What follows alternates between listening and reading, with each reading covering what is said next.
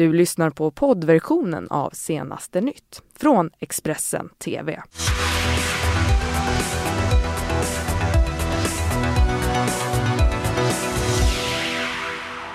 Det är lördag och du tittar på senaste nytt här i Expressen TV. Det här det är morgonens rubriker. Hög explosion i centrala Malmö, en person skadad. Parterna pratar inte med varandra. SAS-strejken fortsätter idag. Runt 34 000 resenärer drabbas. Och skogsbränderna i södra Sverige är under kontroll men nu hotas valborgseldarna att ställas in.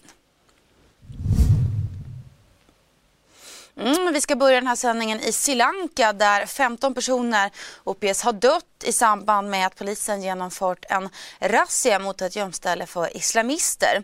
Sex av de döda uppges också vara barn. Det här är något som flera eh, eh, internationella nyhetsbyråer rapporterar om här på morgonen.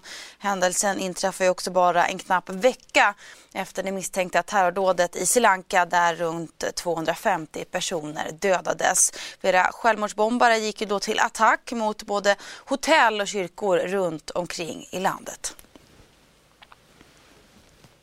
Det tar vi oss inrikes. En explosion har inträffat i centrala Malmö under natten. Det var strax efter midnatt som SOS Alarm fick flera larm från personer som hört en hög smäll. Det visade sig att en detonation gått av utanför en restaurang i centrala Malmö. Explosionen har orsakat stora skador på fastigheten och bombgruppen kallades också till platsen. Enligt polisen så har också en person skadats lindrigt till följd av glassplitter och enligt Sydsvenskans uppgifter så ska det röra sig om en förbipasserande person som skadats när eh, den här personen var ute och gick med sin hund. Polisen har efter den här händelsen också spärrat av närliggande fastigheter och eh, utreder nu den här händelsen som allmänfarlig ödeläggelse. Och med det ska det handla om den stora SAS-strejken.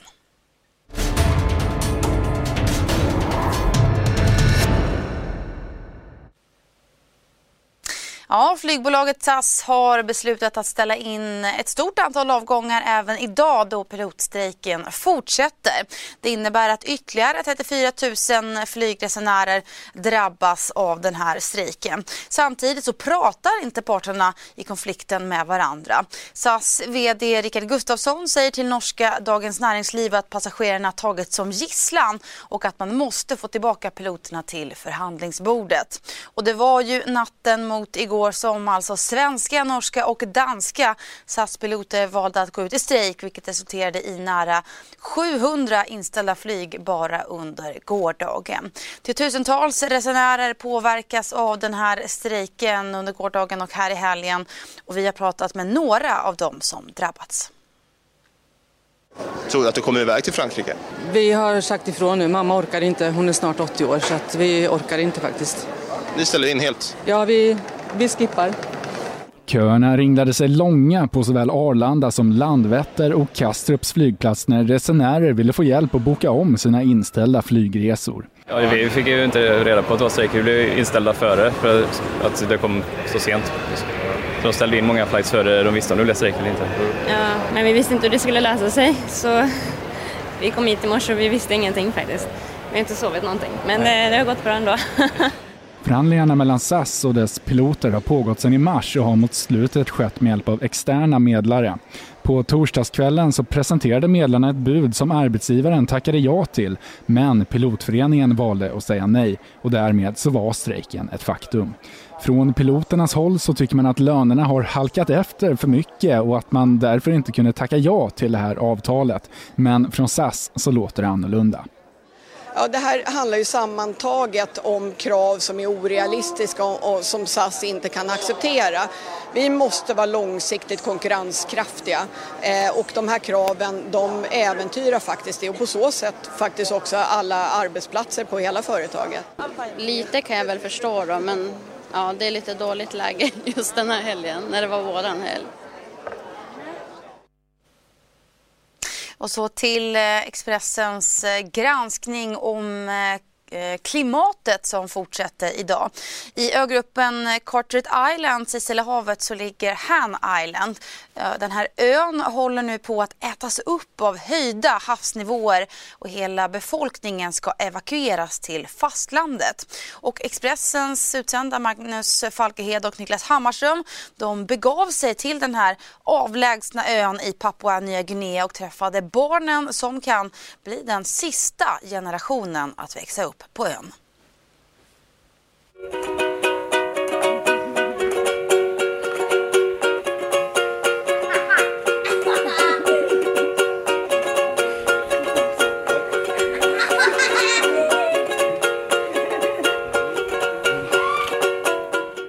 Vi bestämde oss för att se vad som händer med barnen som är dömda till exil.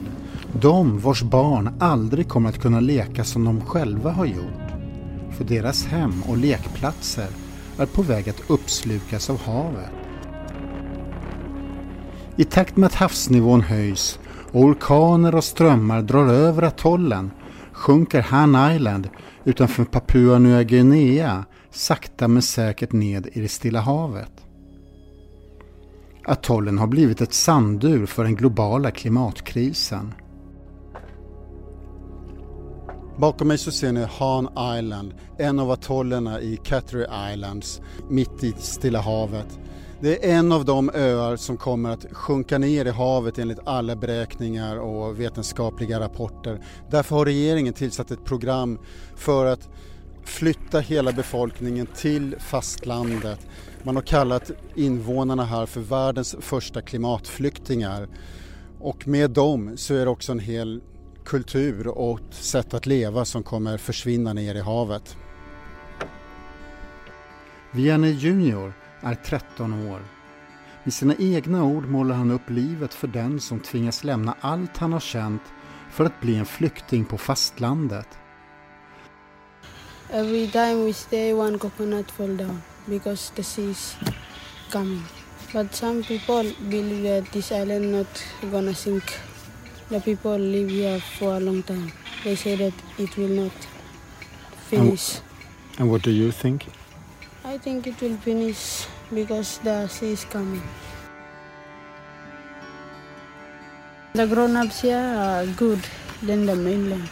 Mm. The, main, the mainland's grown-ups are like every day smoke marijuana, smoke, and then they get drunk and like chasing people.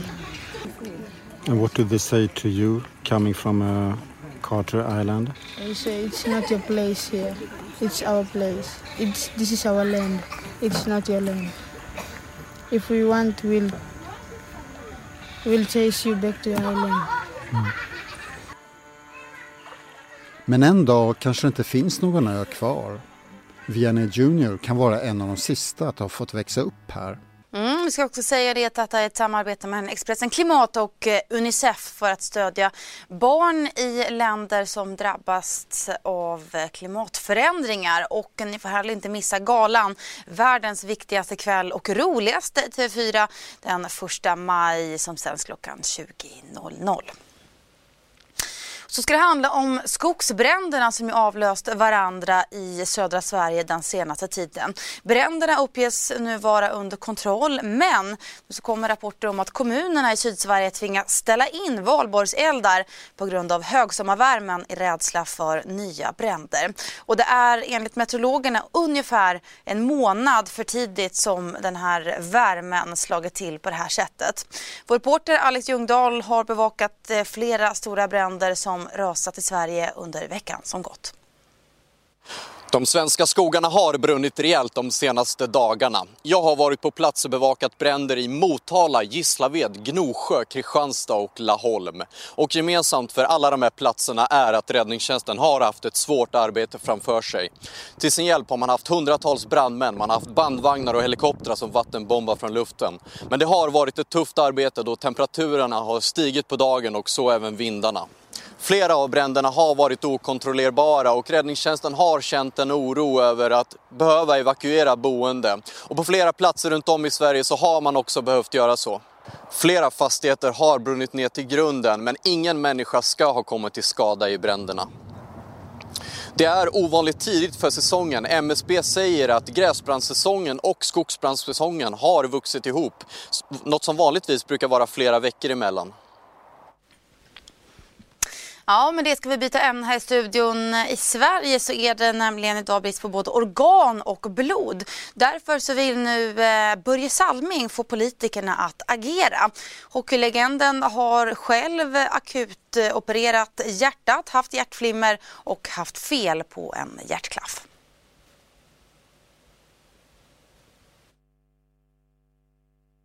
Vi alla måste donera.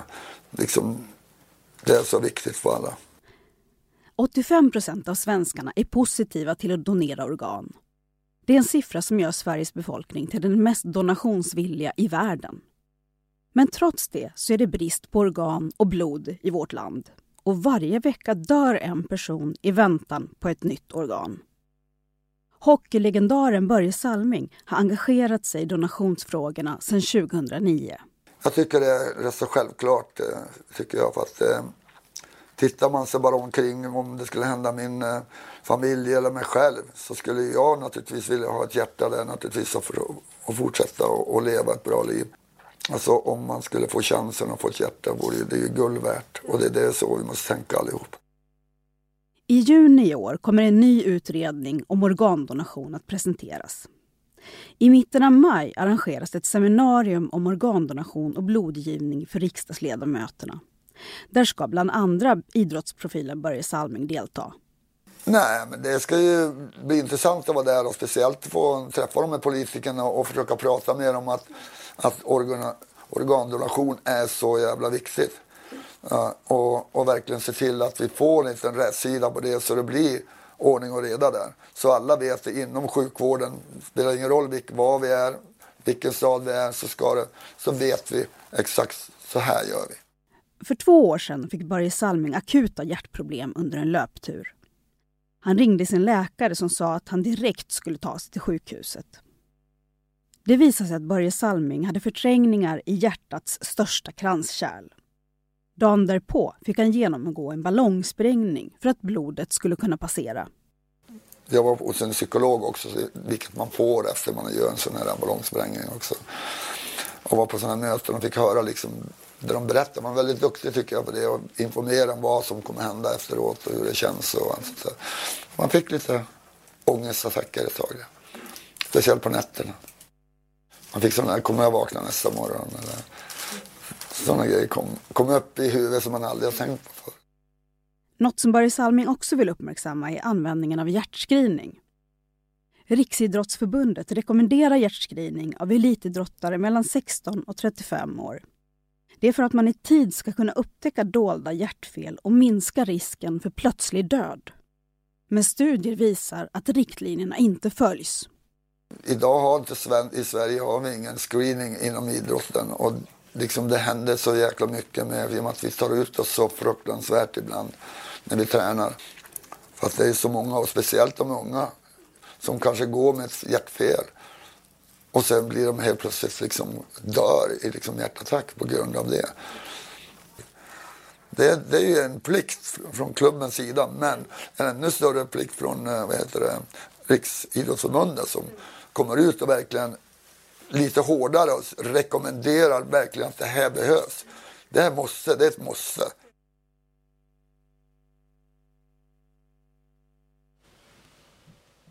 Läs mer om hockeylegendaren Börje Salmings kamp på Expressen.se. Här i studion kommer vi naturligtvis fortsätta bevaka SAS-strejken här under dagen. Nu en kort paus. Du har lyssnat på poddversionen av Senaste nytt från Expressen TV. Ansvarig utgivare är Thomas Mattsson. Ett poddtips från Podplay. I podden Något Kaiko garanterar östgötarna Brutti och jag, Davva, dig en stor dos skratt. Där följer jag pladask för köttätandet igen. Man är lite som en jävla vampyr. Man har fått lite blodsmak och då måste man ha mer. Udda spaningar, fängslande anekdoter och en och annan arg rant. Jag måste ha mitt kaffe på morgonen för annars är jag ingen trevlig människa. Då är du ingen trevlig människa, punkt. Något kajko, hör du på podplay. Därför är gardinerna.